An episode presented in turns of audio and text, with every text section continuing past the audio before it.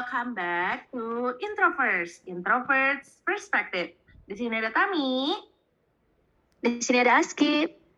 Di sini ada Gea. Oke.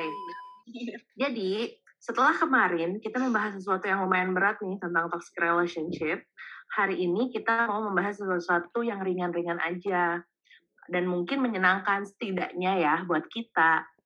Kita akan berhayal perihal pasangan hidup. Kenapa kita berhayal? Karena kita masih belum mempunyainya, jadi kita berhayal dulu aja. Yang mungkin hal ini ya, si pasangan hidup ini menjadi prioritas untuk sebagian orang, atau enggak ya, yang mungkin orang apa sih ngomongin pasangan hidup, hidup tuh nggak melulu soal cinta gitu kan. Nih kalau misalnya Azki sama Gia soal pasangan hidup atau cinta dari lawan jenis itu merupakan sebuah prioritas uh, dalam hidup gak sih? Uh, kalau aku dulu ya, buat aku sih dibilang prioritas enggak juga ya. Cuman soalnya ya maksudnya tanpa itu pun aku masih bisa hidup baik-baik saja gitu. Tapi kalau misalnya dibilang nggak penting juga kayaknya nggak juga gitu ya. Pasti penting lah ya. Udah di usia segini yang pasti adalah kepikiran pasti suatu hari mau nikah dan pasti butuh juga gitu pasangan hidup yang tapi di tengah-tengah deh pokoknya. Kita masih pusing ya tentang pernikahan ini. Mm-hmm. kita menghayal dulu aja supaya kita bahagia. Karena menghayal itu gratis kita mau lakukan yang berbeda ya daripada episode-episode sebelumnya.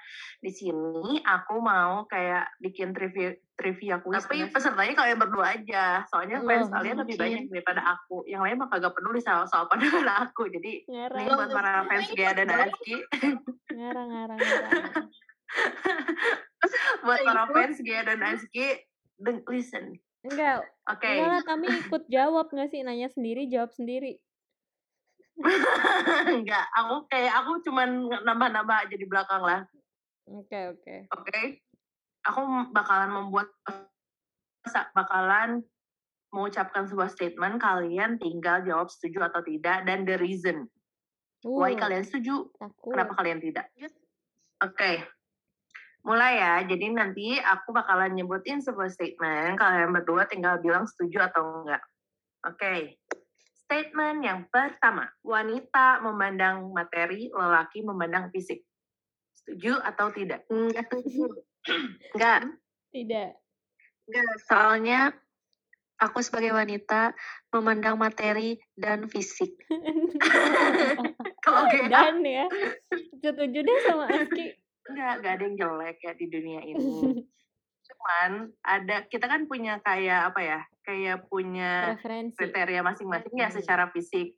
Jadi ada yang enak dilihat sama ada yang enggak dilihat menurut pandangan kita. Aku bahkan yang ganteng aja menurut aku kadang nggak enak dilihat menurut pandangan aku gitu ya. Relatif ya Mi ya. Gak perlu gak relatif, relatif dari lahir sih, cuman ya terawat, bersih, stylenya masuk, gitulah. Iya. Mahal style nu masuk ya maksudnya kalian ya, termasuk suka yang jelek gitu bukan maksudnya bilang jelek gitu ya. Soalnya aku juga sadar diri aku standar banget kok ini. Maksudnya fisik kok teman aku Aski cantik banget. Oh mungkin dia matanya bagus ya lanjut. Oke lanjut. Malah didiamin. Ya udah next ya. Kita ke pernyataan selanjutnya. Yang kedua, wanita harus tunduk dan memberi segalanya ketika sudah menikah. Iya enggak segalanya gitu, ini ada juga ini aku nggak tahu ya kalau aku salah, kalau aku kan belum pernah menikah, jadi aku nggak tahu hukum-hukumnya juga sebenarnya. Ya, jadi tetap ada uh, boundaries, tetap ada privacy masing-masing gitu. Terus kalau misalnya si suaminya nggak rasional atau nggak mengajak ke arah yang baik juga nggak usah diturutin kan? Setuju dalam agama taat harus tapi kalau misalnya itu dalam mau mau ke siapa pun ya mau ke orang tua mau ke tapi kalau misalnya ajakannya tidak baik dan benar ya jangan diturutin. Teks yang ketiga ya hubungan dengan sikap yang berbeda jauh lebih menarik pada sifatnya sama-sama gitu. Kayak ah bosen gitu ya udah itu mah kayak gue lihat muka gue sendiri eh gue lihat kayak gue sendiri gitu di orang itu gimana guys Setuju, setuju. Hmm, aku juga setuju. Setuju. Gak harus berbeda sih, gak harus dapat yang berbeda. Cuman ya kayaknya kayaknya bakalan lebih menarik karena aku malas aja ketemu orang yang sama kayak aku gitu. Aku pengen lihat orang yang berbeda dan asalkan yang tadi kata Tami kan banyak yang cerai karena perbedaan gitu-gitu. Yang penting prinsipnya sama, visi misinya sama, tapi personalitinya beda juga it's fine gitu loh. Mungkin ya, ini kan cuma menghayal. Ya, iya, menghayal ya guys. Jangan yang udah nikah jangan mengetahui kita, kita kan lagi berhayal. Aduh, sotoy banget sih nih orang Nanti kayak kita gitu ya. kita yang bakal ngetawain podcast ini kayaknya nanti. Iya nanti ya. Tapi menurut kalian ya, berbeda sikap itu masih bisa sefrekuensi nggak sih? Bisa lah. Em, pasangan yang beda gitu ya personalitinya itu tuh kayak cenderung seru gitu hubungannya karena bisa saling memahami dan mempelajari orang baru gitu. Aku setuju sama Ya, Namanya- setujunya? Itu namanya opposites, itu namanya opposites attract. Itu bahkan ada penelitiannya teman-teman. Gimana Cina? Jadi ada penelitiannya itu di tahun 2007, udah lumayan lama lah ya. Tapi memang pe- penelitian itu mengatakan bahwa ketika kita menjalin hubungan dengan pasangan yang personalitinya mirip dengan kita, itu tuh cenderung akan berdampak negatif karena beberapa alasan. Cuman emang sih em, di akhir penelitian itu emang tetap balik lagi ke kita. Jadi emang ujung-ujungnya ya ya di luar bahwa memang udah takdir gitu kan udah ada jodohnya masing-masing tetap kita yang milih apakah yakin dengan orang tersebut atau bukan? Kita yang pakai uh, feeling dan intuisi kita gitu dengan untuk memilih pasangan gitu. Jadi si penelitian ini juga ada kayak disclaimer gitu bahwa jangan sampai karena penelitian ini terus ah udah nggak mau sama yang mirip. Padahal bisa jadi ketika kita sama yang mirip itu malah jadi saling memahami kan lebih saling memahami begitupun dengan yang beda menarik aja gitu untuk mempelajari orang orang baru. Kok orang-orang emang pasangannya berapa? Iya kan empat. Astagfirullah jangan. Jadi kalau misalkan pasangan yang beda personality gitu cenderung tidak monoton.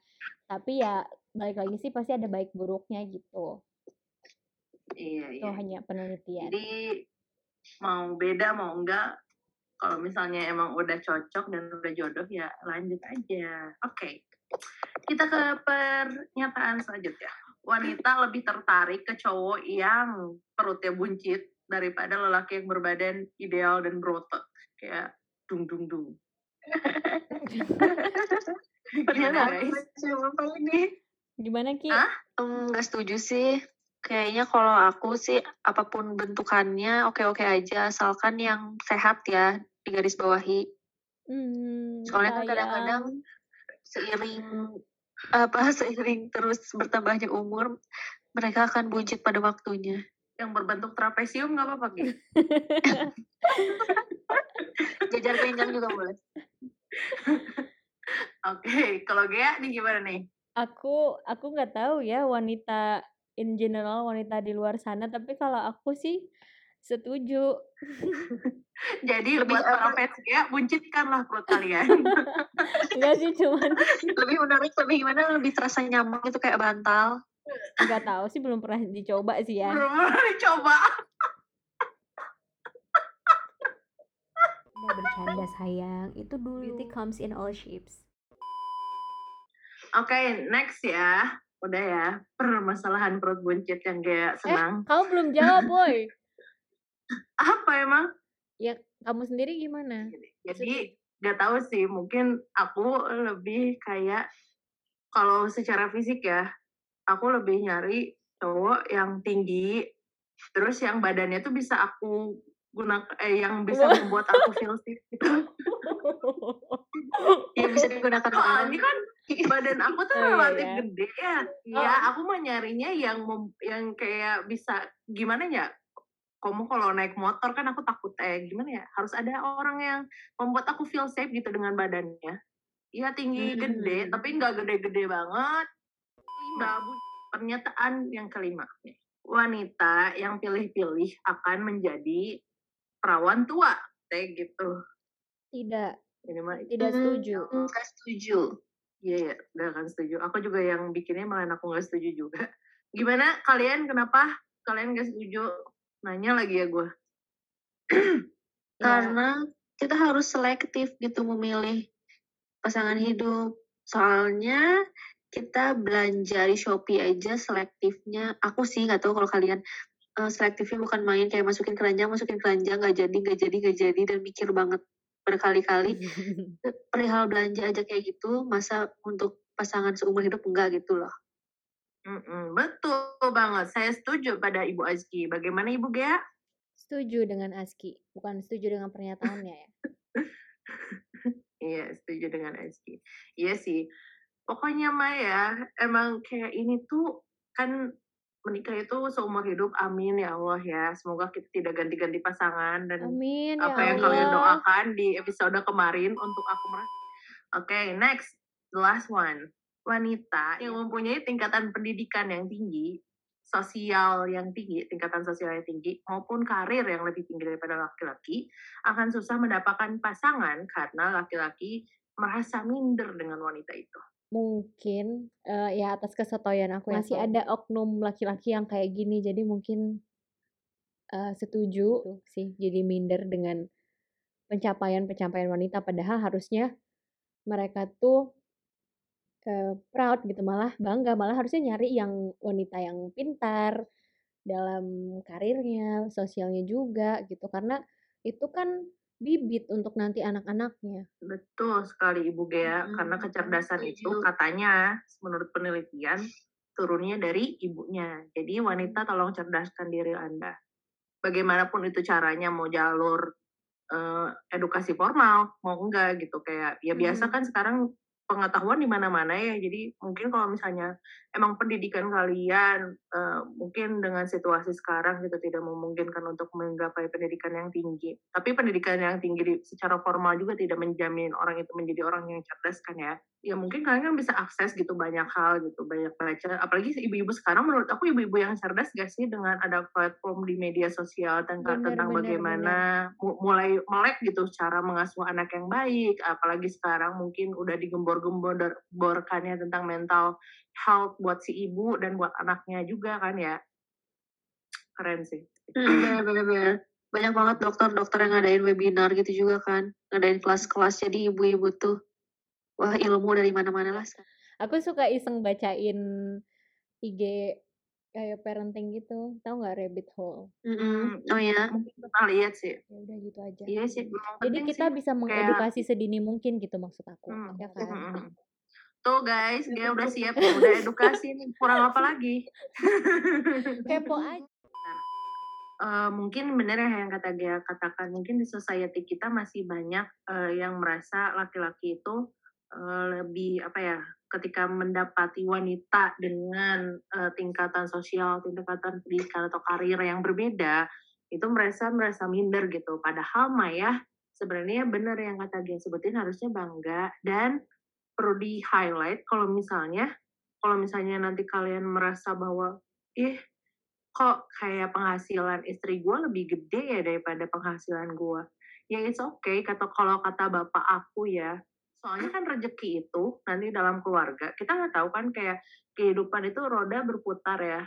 Dan rezeki itu sebenarnya bisa dapatkan dari sisi istri mungkin ketika suatu saat dan bisa didapatkan dari sisi suami yang harus dilakukan di sini. Si istri jangan sampai dengan kalau kata bapak aku kata bapak aku bapak Hai, cecep yang lebih rendah daripada kamu kamu harus tetap hormat kamu harus tetap menghargai dia menghargai dia kamu harus uh, taat akan apa yang diomongin sama dia kan maksudnya ya semua kita Islam ya semuanya insya Allah yang ini kita bertiga, kita gitu ya. bertiga ya. ya. Dan di agama kita untuk di apa ya diwajibkan kita untuk taat ke suami mungkin orang-orang kayak apa sih? Jadi berpegangan pada suami gitu begitu kita jadi harus nunduk ke suami yang nggak gitu kan ya. Semua bisa dikomunikasikan dan semoga ya suami kita juga bisa toleransi lah akan uh, pendapat kita dan apa yang kita mau juga. Next. Oke okay, guys. Setelah enam pertanyaan tadi eh enam pertanyaan enam pertanyaan pernyataan, pernyataan Ada pertanyaan.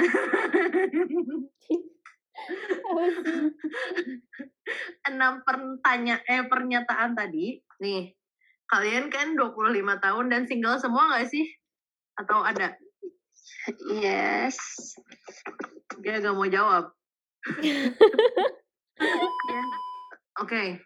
Jadi kan gini, kita kan ada quarter life crisis dan mungkin uh, yang aku tahu ya tidak ketiga orang kita ini tiga-tiganya adalah orang-orang yang single tapi belum ada belum ada hubungan yang benar-benar dideklarasikan kalau kalian tidak single kan oke okay.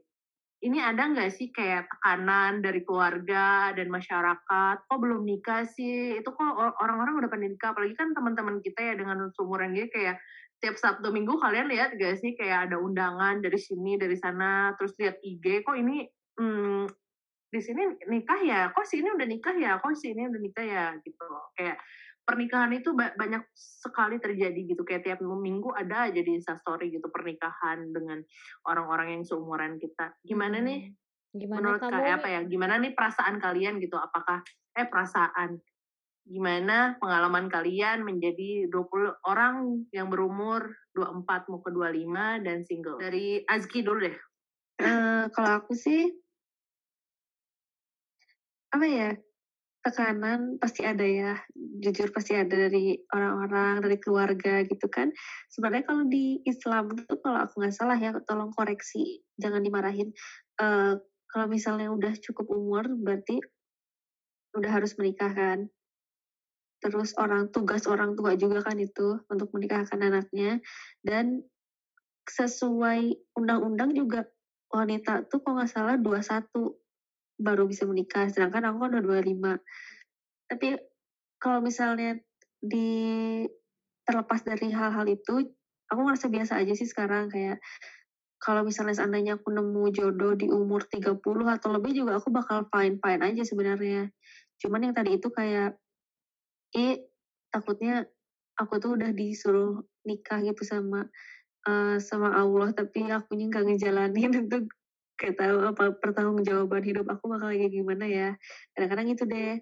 Terus kalau dulu sih aku suka sebel gitu kalau dibilang kenapa belum nikah? Nyusul atuh gitu-gituin aku kayak soal kesel gitu kan biasa ibu-ibu ya. Kapan nanti nikahnya? Jangan pilih-pilih. Tapi kalau sekarang pas udah umur segini dibilangin kayak gitu-gitu kayak udah biasa aja gitu kayak udah nggak pernah tersinggung lagi atau nggak pernah bete lagi. Benar-benar oh ya udah flat aja gitu. Yang membuat Azki bete itu gara-gara emang kayak iya iya mengiyahkan kenapa aku umur segini belum nikah atau apa sih risih kayak nikah mah nanti aja kali gitu. Aku risih karena kalau basa-basi itu kayaknya nggak harus ngomong kayak gitu gitu loh. Biasanya kan hmm. yang kalau itu seringnya basa-basi dari orang yang nggak terlalu dekat gitu kayak apa sih ngurusin banget itu kalau orang terdekat Azki gimana? Ah, kalau orang terdekat aku terus. Kalau orang terdekat aku mereka fine fine aja biasa aja. Justru yang dekat tuh yang ngerti, yang ya udah jalanin aja gitu, nggak nggak yang bikin kita jadi tertekan atau kesel gitu. Kalau Gea gitu sih nggak tahu kalau Gea. Komentar Anda akan hal ini? Emang aku emang gak ada tekanan sih dari Iya orang masih bungsu gitu. Iya, kan kakakku eh kalian kan mah anak-anak bungsu ya jadi tidak ada penekanan apa pun mm -hmm. yang sangat terasa berarti gitu ya terus iya. gimana ge um, cuman ada sih concern karena aku anak bungsu kan berarti otomatis berarti kan um, orang tua aku emang udah uh, berumur gitu ya jadi mm -hmm. ya paling suka dibilanginnya kayak ya udah sok nikah kalau emang udah ada orangnya gitu ibu bapak udah tua kayak gitu tapi nggak memaksa juga kayak ayo tahun ini gitu eh kan ini aku malah kayak pernah gak sih kan kalian anak bungsu gitu kayak udahlah bentar nanti nikah mah aku mah eh ibu ibu sama bapak atau enggak abah sama mama mau sama masih sama kalian gitu kalian jangan buru-buru nikah gitu Enggak. Kalian milik aku, jangan pergi. itu kayaknya kamu kalau udah jadi mama ya, Mi. Iya, iya ibu aku pernah bilang sih, pernah bilang kayak sebenarnya mama tuh seneng gitu bisa masih bareng-bareng sama kamu, tapi kamu cepet nikah ya. Bener bener Ki, iya bener. Justru kayak ini gak sih Ki, eee, orang tua tuh pernah bilang juga kayak, "Untung nih ada anak bungsu lagi," gitu. Jadi ada temen di rumah gitu, tapi tetep Mhm juga nyuruh mhm. nikah karena umur itu, umur orang tua. Tapi Iya nggak nggak iya. maksa juga Umur orang jadinya. tua dan mungkin ya kalau bapak aku, bapak aku lagi dibawa-bawa mulu. Salam ya. Maaf ya Pak Cecep.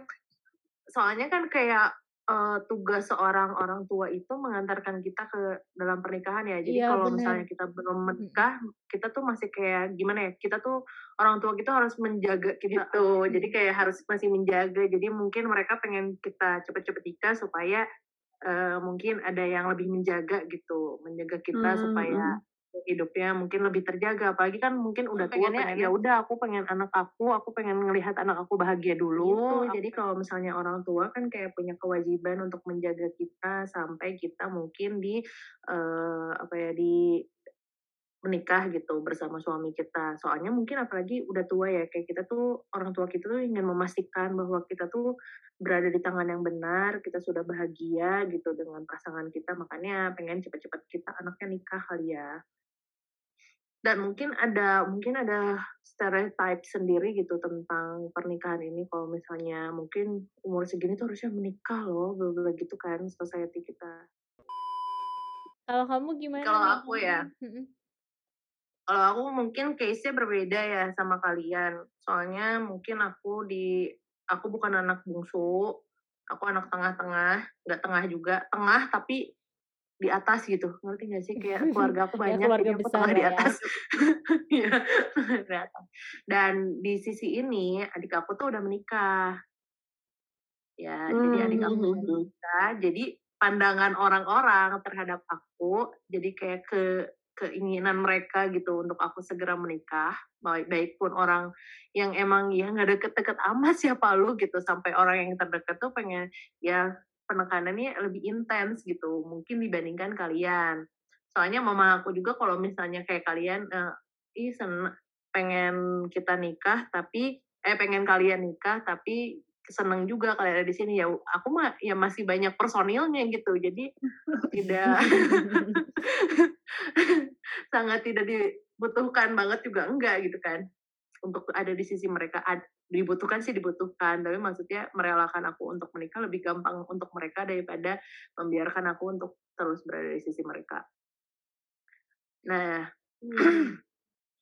eee, terus kayak mungkin ada ya beberapa kayak per pernyataan gitu di, eee, temen aku gitu, kayak aku sering mendengar gitu, kayak di, eee, nggak tahu gimana ya, di lingkungan kecil aku gitu, kayak ada ini bahkan laki-laki gitu yang ngomong kayak gini, Apaan bete tuh? banget gak sih? Kayak, perempuan di atas 25 tahun itu daya tariknya menurun. Ya ampun, aku yang ngomong aku gitu? aku tahun depan menurun dong. Iya, kita kayaknya bentar lagi menurun guys. Padahal mah ya udah sekarang mah ya padahal ada skincare, ada apa gitu ya, yang bisa membuat kita lebih menarik dengan terus kayak pengetahuan kita lebih tinggi, ya lebih menarik gak sih kalau misalnya di lak laki-laki yang tepat buat kita? Betul betul. Hmm. Ya menurut kalian kayak gimana ya, ngerasa nggak sih kayak kita masih umur 25 tahun dan aku tuh kayak ngerasa banget kayak hidup kita tuh kayak, ya Allah ini 25 tahun kita harus banyak banget yang harus kita achieve, padahal mah kita teh waktu Azki mention aku soal apa ya, foto wisuda, kayak kita tuh baru 2 tahun doang lulus gitu. Nggak heeh. sih? Kayak dari 2 tahun itu kayak kita tuh harus banyak melakukan banyak hal gitu, kayak mungkin dituntut untuk menikah, dituntut untuk punya pekerjaan, dituntut untuk punya, eee, investment atau enggak dituntut untuk segala hal lah gitu, kayak lebih untuk lebih dewasa dan segalanya gitu. Padahal kan kita kayak, ya Allah kita baru 2 tahun gitu lulus, mungkin Ghea 3 tahun ya, aku mah udah telat setengah tahun. Iya, kalian ngerasa nggak sih kayak gitu gitu, kayak kita tuh kayak dituntut untuk mendapatkan, mmm, apa ya, meraih segala hal di waktu yang emang lumayan cukup pendek gitu loh. Bener bener. Itu tuh kayak tapi gini la gini loh Mi, kan tadi katanya kayak apa, tuntutan society. Tapi mungkin kita bisa reflect juga ke diri kita bahwa mungkin ada faktor bahwa kita membanding-bandingkan diri kita sama orang lain, jadi kesannya kayak kita harus udah ini, harus udah itu gitu. Jadi kita nggak enjoy, uh, proses kita sendiri gitu. Sungguh sangat bijak ya.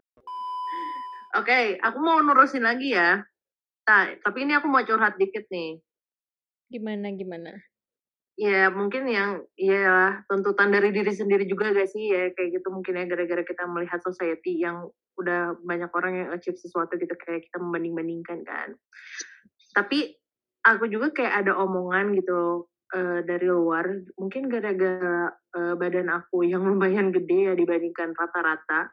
Orang-orang tuh kayak ngomong kayak makan makannya kecilin badannya supaya ada yang suka atau enggak.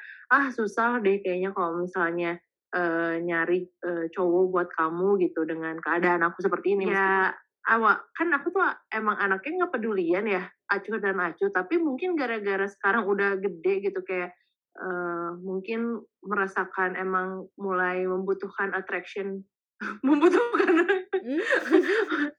membutuhkan apa ya kayak ya mungkin gara-gara insecure juga ya dengan society ini jadi kayak butuh validasi dari uh, lawan jenis kali ya. Itu emang salah aku juga sih aku kurang self love di sini. Jadi kayak insecure parah parah lagi. Parah. Parah. Jadi kayak ngerasa kalau misalnya ya kalau misalnya ya udah kamu tuh jangan pilih-pilih cari aja yang soleh bla gitu. Terus kayak dalam hati aku ya gimana? Orang gak akan ada yang suka sama aku gitu. Saking insecure-nya aku terhadap fisik aku ya. Padahal mungkin ya uh, emang belum waktunya juga dan mungkin bukan fisik aku juga mungkin ada ya mungkin dari sifat aku ada apa gitu ya masih ada kurangnya ya aku juga sebenarnya belum siap untuk akan hal itu tapi dengan kata-kata itu cukup mengganggu aku juga gitu secara mental aku gitu jadi uh, kepercayaan diri aku lumayan nurun sih dengan kata-kata mereka gitu Oh, Jadi iya. guys, kalau bisa ya jaga mulut kalian, please. Iya, iya. Iya. Bukan cuma Kadang orang nggak sadar ya komentar dia yang iseng atau cuman bercanda dengan dalih bercanda padahal itu bener-bener ngefeknya wow banget gitu ke kita hmm. ya gak sih iya dan mm -hmm. dan gak cuma Tami doang pasti kita juga males lah kalau misalkan alasan belum dapet jodoh karena fisik gitu padahal kan beauty mm -hmm. comes in all shapes kan emangnya yes. emangnya orang menikah karena fisik doang pure kan enggak Mm -hmm. Oh, siapa sih ngomong sini berantem sama aku? juga. Oh iya. Mami siapa yang ngomong? Mau kita hmm, labrak? eh, jangan ya udahlah. Itu mau udah lupakan jangan saja, ya gitu. tidak boleh berantem teman-teman. Oke okay, tadi kan kita udah bahas tentang uh, apa namanya? Tentang tekanan orang-orang nih. Hmm. kita menuju ke uh, agak menuju ke berhayal. Kita semua setuju ya kalau misalnya memilih pasangan itu emang harus beneran beneran milih gitu pilih mungkin bahkan kata orang ya ketika kita uh, memutuskan untuk memilih pasangan kita tuh kayak harus list gitu apa aja yang emang kita pengenin gitu dalam pasangan hidup kita nanti. Dan bah katanya kita kayak harus punya goals dalam hidup ini uh, kayak punya prinsip dalam hidup ini dan dan mencari pas dan prinsip kita. Jangan Men sampai katanya merendahkan uh, standar kita akan pasangan gara-gara kita bucin. Setuju nggak? Setuju. Ya. Yeah. Ya. Nah, sekarang aku pengen kalian dan mungkin nanti aku juga sebutkan tiga kualitas diri yang harus ada dalam pasangan yang menurut kalian penting banget dalam menentukan pasangan hidup berlaku untuk iya, siapa pun ya. ya. Jadi kayak emang kayak menurut kalian ini adalah sebuah prinsip basic banget kayak no debat gitu akan hal ini. Akan tiga kriteria akan akan tiga kualitas dari pasangan kalian ini. Uh, tapi uh, kita ekskludkan ya kalau soleh menerima kitanya sayang sama kita mah semuanya juga pengen ya. Mau aski dulu mau Gia dulu nih? Gia dulu. Ya oke okay, Gia silahkan. Kalau aku mau menjawab dengan konsep brain beauty Yuk. behavior tapi si brain beauty dan behavior ini nggak aku jadiin rank gitu ya jadi bukan kayak priority-nya lihat brain dulu atau lihat beauty dulu tapi ya aku lihat bersamaan gitu mm-hmm. kalau di behaviornya kayak um, ya tentunya aku melihat sosok yang bertanggung jawab yang setia gitu yang penyayang gak hanya ke aku tapi juga ke keluarga aku dan tentunya ke keluarga dia gitu. Ya mungkin kalau misalkan dia Ke mantan dia juga iya nggak? eh, jangan dong. Kan penyayang. Kan penyayangnya ke aku, keluarga aku dan keluarga dia. Gitu. Terus kalau ternyata dia family man juga itu berarti bonus banget buat aku. Kalau ke keluarga kalian nggak perlu. oh iya. Bener juga. Nanti ke anak-anak kalian nggak perlu gitu. Nggak aku, keluarga kita, eh keluarga kami, keluarga aku dan keluarga dia baik juga ya.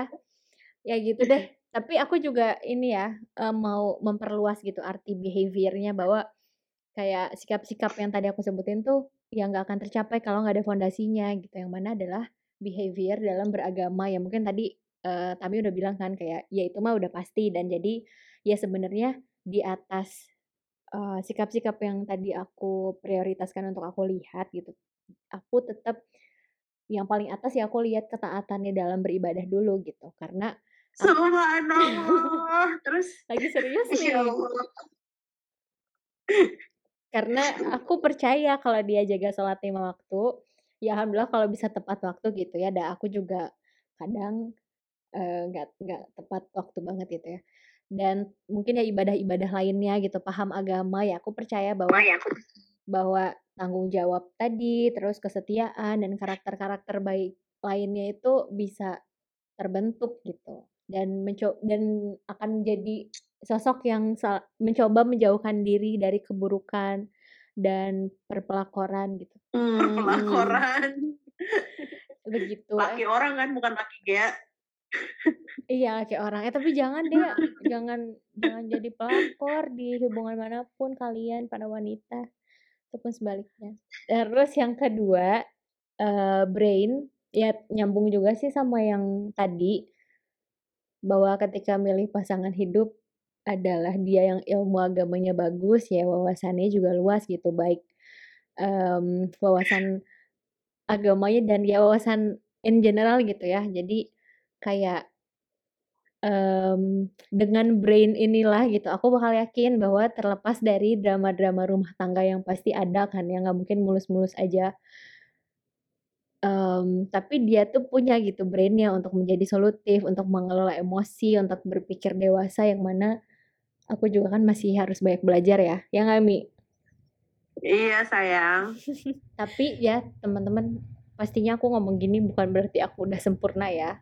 Dengan semua yang udah aku sebutin kayak gila mau ini itu segala macam padahal sendiri juga nggak ada apa-apanya gitu. Tapi ya ketika Gak aku ada yang sempurna kok, Ge. Mm-mm, ya jadi ketika aku nyebutin kriteria ini gitu itu hal-hal yang mau aku, aku capai juga gitu sebagai individu dan sebagai pendamping pasanganku nanti gitu. Kan kalau kata Umi waktu kita pernah ngobrol nih jodoh kan cerminan kita kan.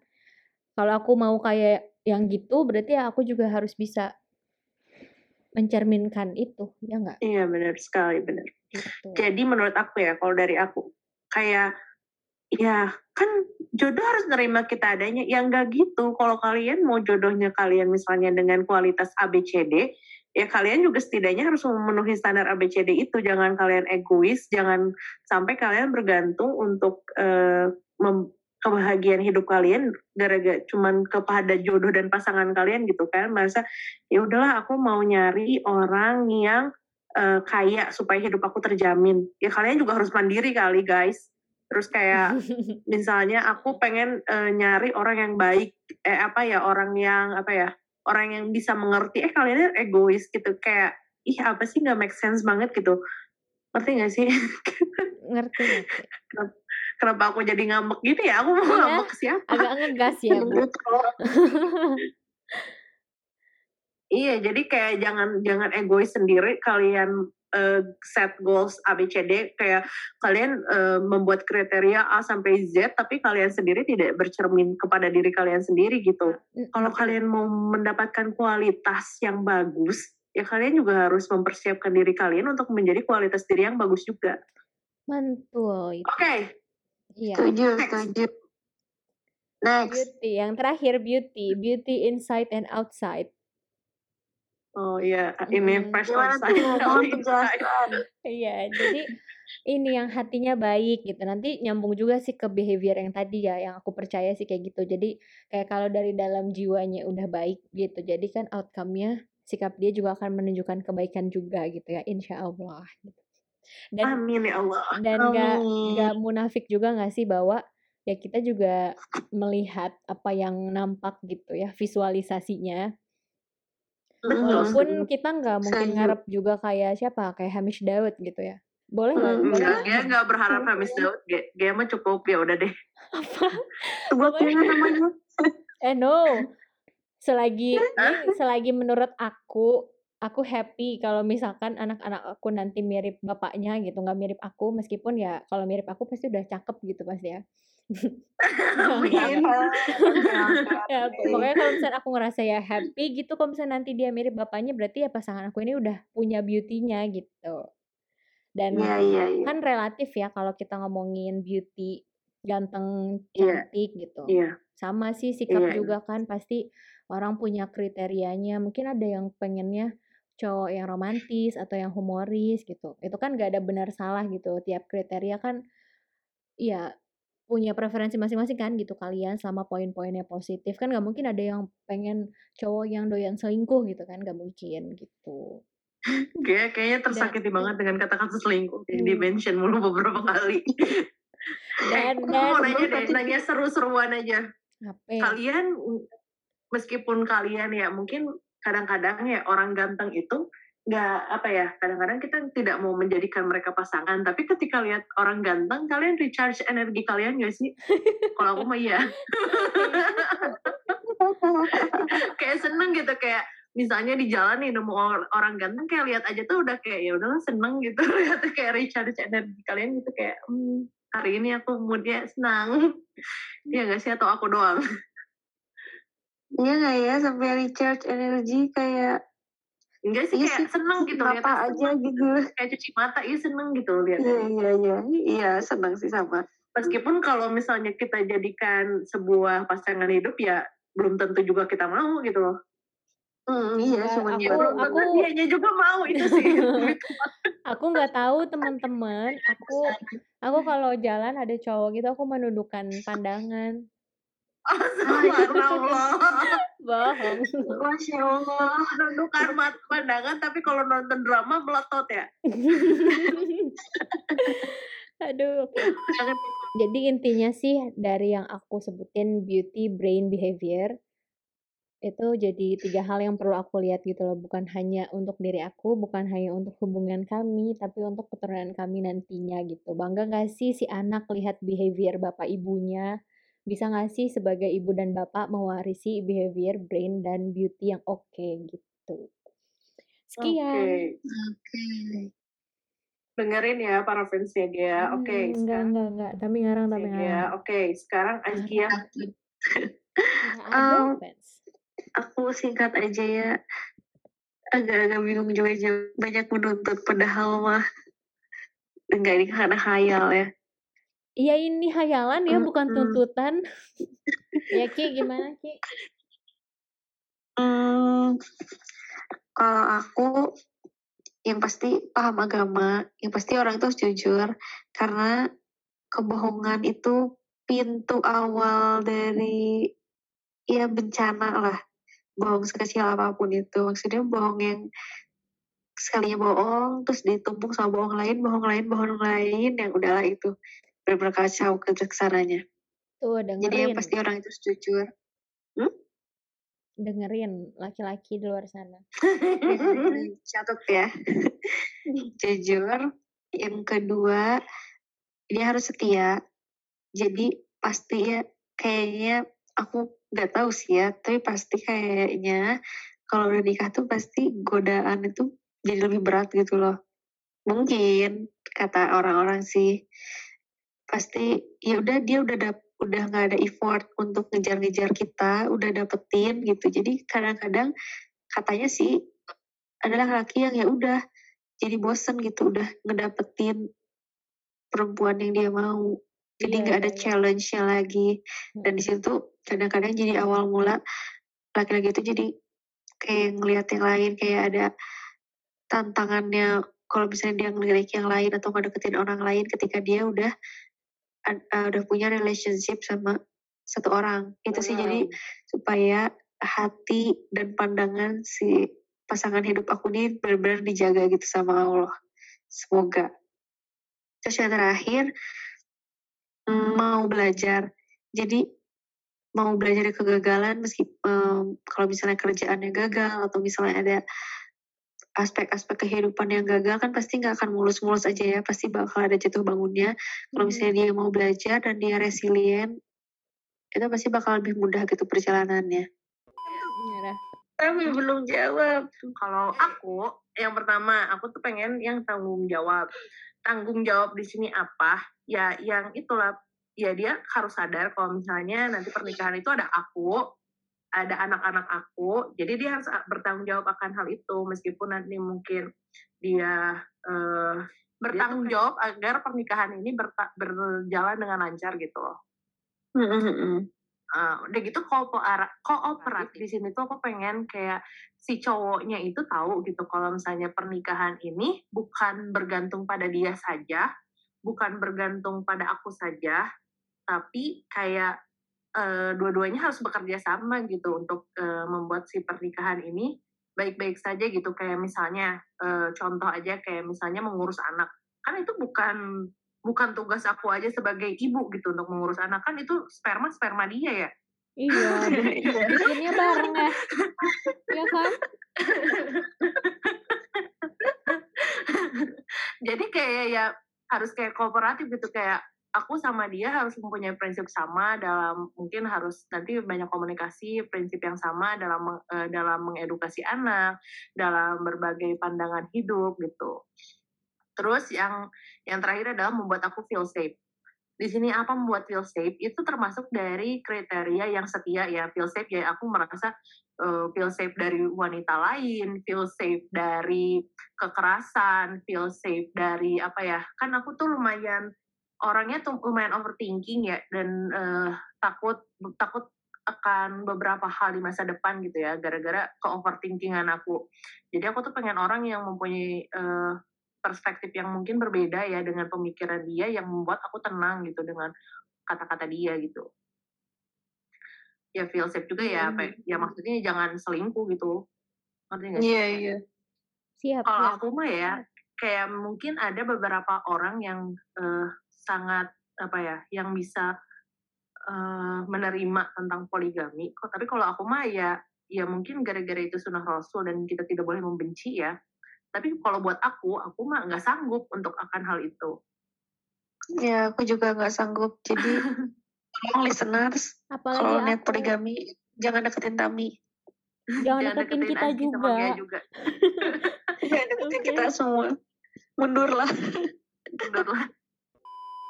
Oke, okay, nah kan tadi kita lagi ngomongin yang apa ya? Tiga kualitas diri yang harus ada dalam pasangan nih. Tadi yang harus ada ya. Yang sekarang yang big no gitu. Kalau kalian kalau kalian merasa kalau misalnya laki-laki punya ini, pokoknya aku mendingan jauh-jauh deh daripada sama dia gitu. Iya. Ada nggak sih? Tami dulu nih. Aku jadi gini, aku sudah mencontek jawaban Tami. Terus salah satunya adalah lemes. Coba jelaskan. Aku pengen denger lemes apa? bukan lemes lemes aku juga baca lemes lemes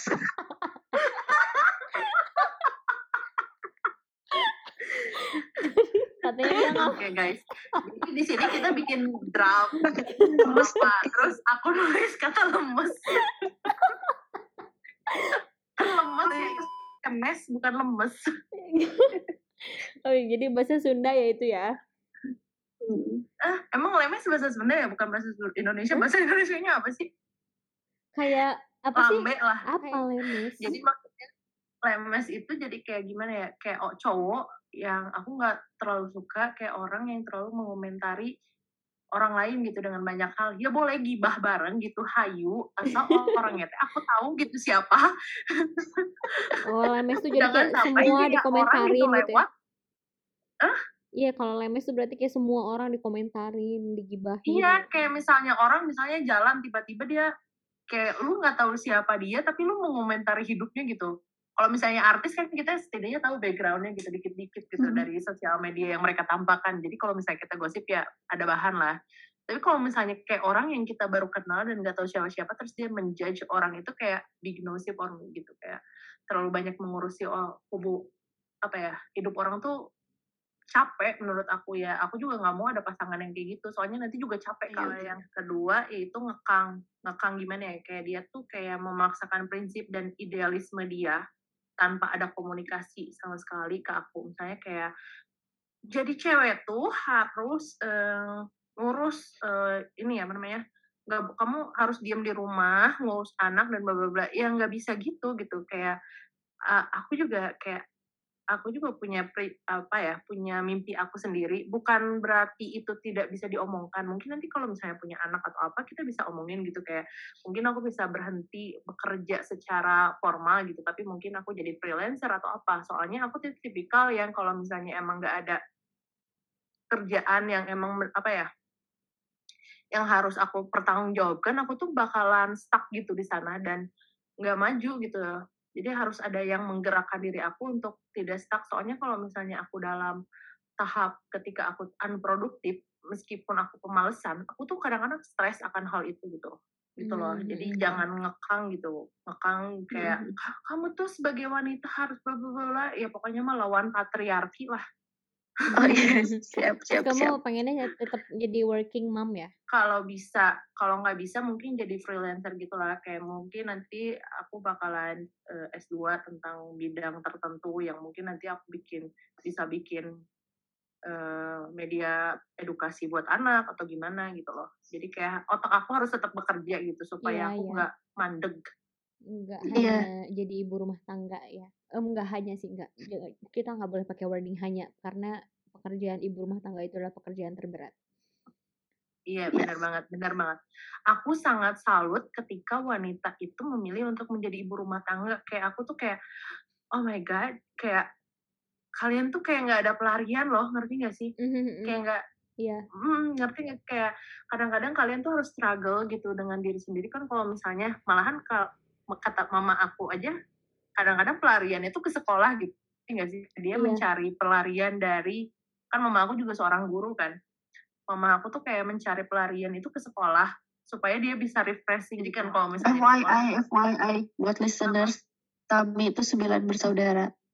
Sembilan. Jadi wajar Oke, ya iya, kalau ada waktu mamahnya ingin escape. iya iya wajar banget dan ya mungkin gara-gara mama aku juga ya mama aku kan meskipun anaknya sembilan dia tetap bekerja ya jadi mungkin kata kalau di pikiran aku ya mama aku aja bisa kenapa aku nggak bisa gitu untuk atur waktu untuk ya alhamdulillah anak-anaknya juga anak-anak yang lumayan ya Mandiri. nurut-nurut baik-baik gitu kecuali aku oke Oh, maksud, maksud.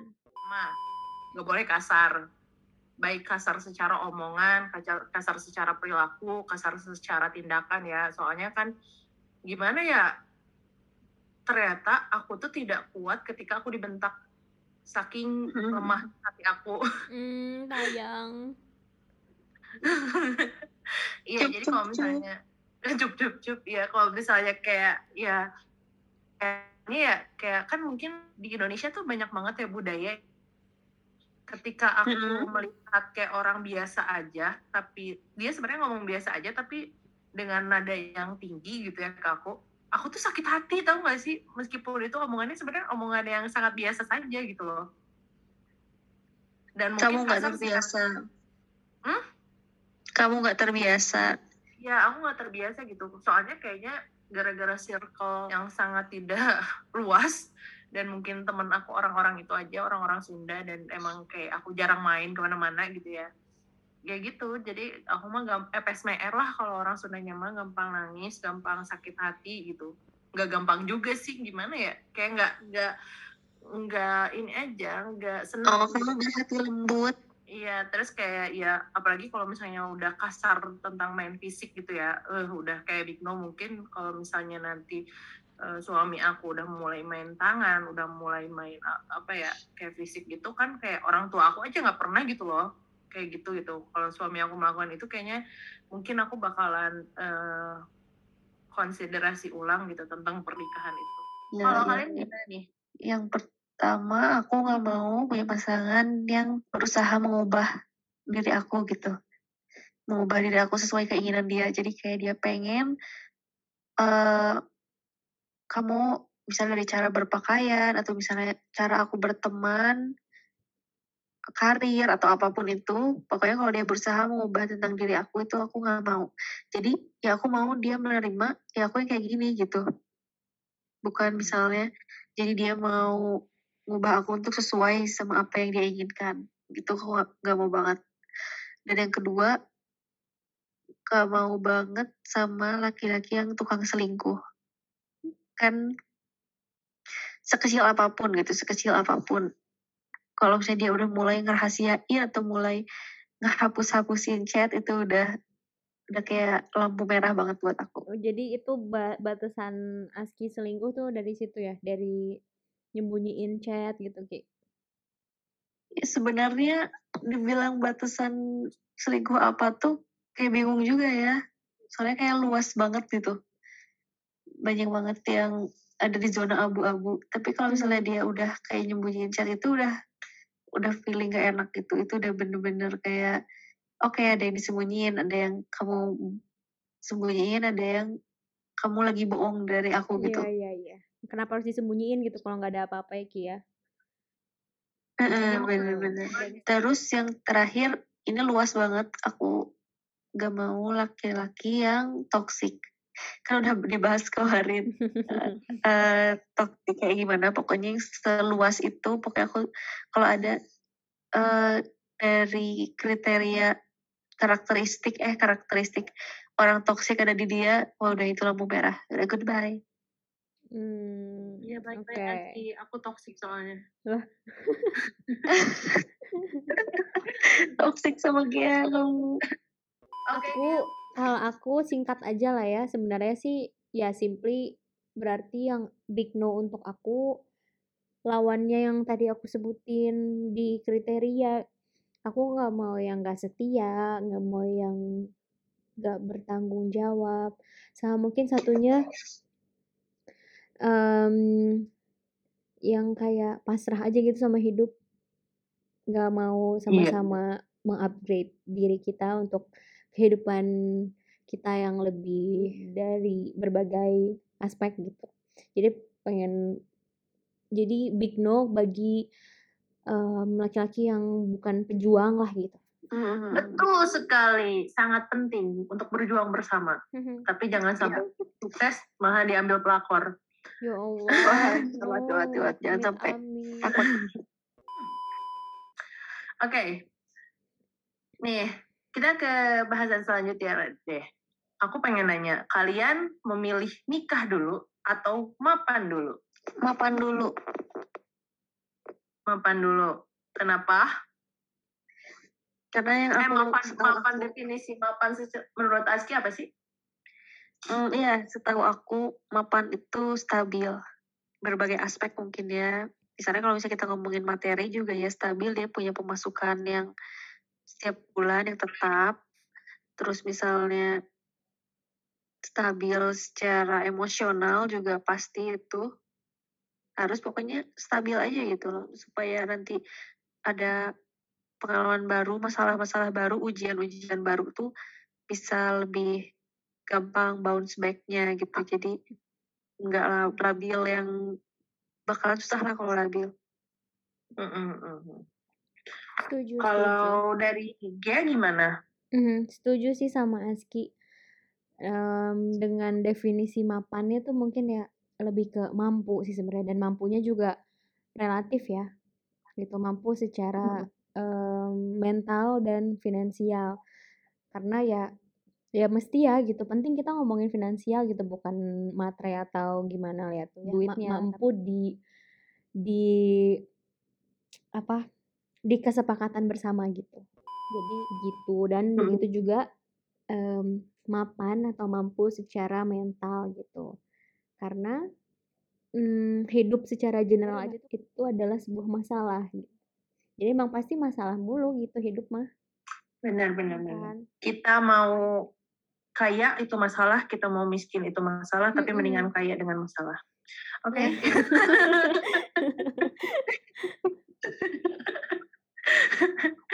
Astagfirullahaladzim. Gimana Tami? Oke. Gimana kalau Tami? Kayak aku nggak bakal tahu apa yang terjadi ke depannya kan di hidup aku. Mungkin aja uh, aku udah set goals tentang kemapanan aku, eh tiba-tiba uh, menurut Allah itu tepat gitu buat aku untuk menikah, ya mungkin aku bisa menikah gitu. Tapi dengan catatan mungkin ini bukan kemapan sih, lebih ke kesiapan gitu. Siap kayak siap aku ya secara fisik, mental, uh, cara aku memandang hidup, cara aku memandang uang gitu, cara aku memandang sebuah hubungan dan hmm. kesiapan aku untuk berkomitmen dan untuk bertanggung jawab gitu atas hubungan yang ke depannya. Soalnya kayak gimana ya, aku tuh uh, mungkin gara-gara aku belum pernah pacaran ya, kayak aku tuh sebenarnya kayak bingung gitu kayak hubungan tuh yang eh, untuk merawat hubungan yang baik dan benar tuh kayak gimana sih? Kayak cara kita deal with pasangan tuh kayak gimana sih? Kayak untuk ini kayak aku aja kayak mikir kalau misalnya pertengkaran hebat itu apa sih yang bisa memicunya gitu? Kayak aku tuh nggak tahu sama sekali kayak buntu gitu. Hmm, kayak masih bocah banget akan hubungan gitu, apalagi dengan lawan jenis gitu.